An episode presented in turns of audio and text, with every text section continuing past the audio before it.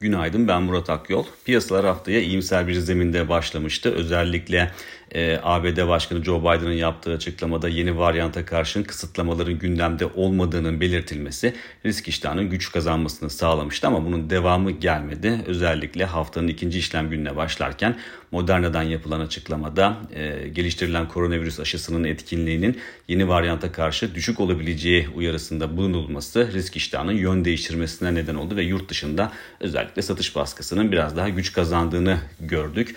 E, ABD tahvil faizlerine baktığımızda da orada da e, geri çekilme eğiliminin e, özellikle e, devam ettiğini bu açıklamanın ardından Moderna'nın açıklamasının ardından e, gördük e, ve 30 yıl vadeye baktığımızda 30 yıllık vadede tahvil faizleri Kasım ayı içindeki en düşük seviyelere geriledi. E, muhtemelen virüse ilişkin gelişmeler önümüzdeki dönemde günlerde e, piyasalara yön veren ana konu başlığı olarak kalmaya devam edecektir ama şu var ki e, bilim adamları sürekli e, daha fazla veri uyarısında bulunuyor. Daha fazla veri gerektiği uyarısında bulunuyor.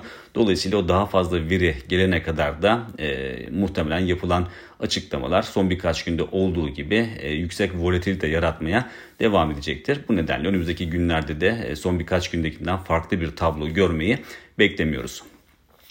İçeriye döndüğümüzde ise içeride e, BIST 100 endeksi yukarı yönlü momentumunu korumaya çalışıyor ama tabii ki yurt dışından çok net şekilde ayrışan bir endekste görmüyoruz.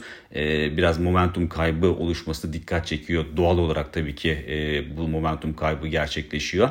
E, ama endeksin teknik görünümünde çok anlamlı bir bozulma olduğunu söylemek zor.